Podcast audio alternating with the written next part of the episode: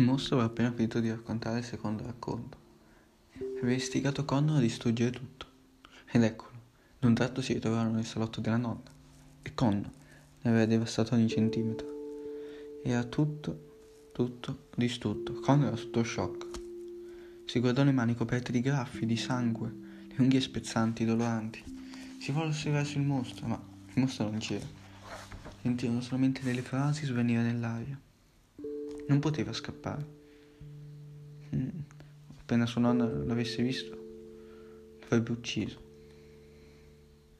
Il cuore quasi gli scoppiava fuori dal petto. La nonna infilò la chiave nella toppa e aprì la porta. La nonna entrando alzò gli occhi. Restò raggelata, la borsetta ancora mezz'aria. Solo gli occhi si muovevano, registrando increduli la distruzione del salotto rifiutandosi quasi di vedere cosa c'era davvero.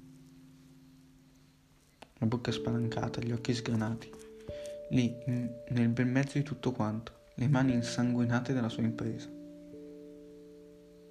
Ne uscì un lamento dal profondo del petto, la bocca ancora chiusa. Fu un suono così angoscioso che Connor riuscì a fatica a non coprirsi le orecchie. E poi lo ripeté ancora una volta e poi un'altra volta ancora, che non divenne un suono unico un suono dolente, lamentoso, funebre, che tracimava. Quando cercò di parlare, ma lei urlò e se ne andò. Se ne andò in camera sua, non era diretta verso di lui, se ne andò nella sua camera.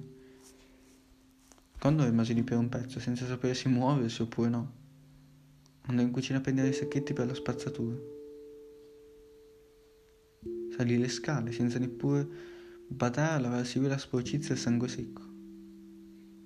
Ma sentiva la donna che piangeva. Sentiva lì dentro che piangeva.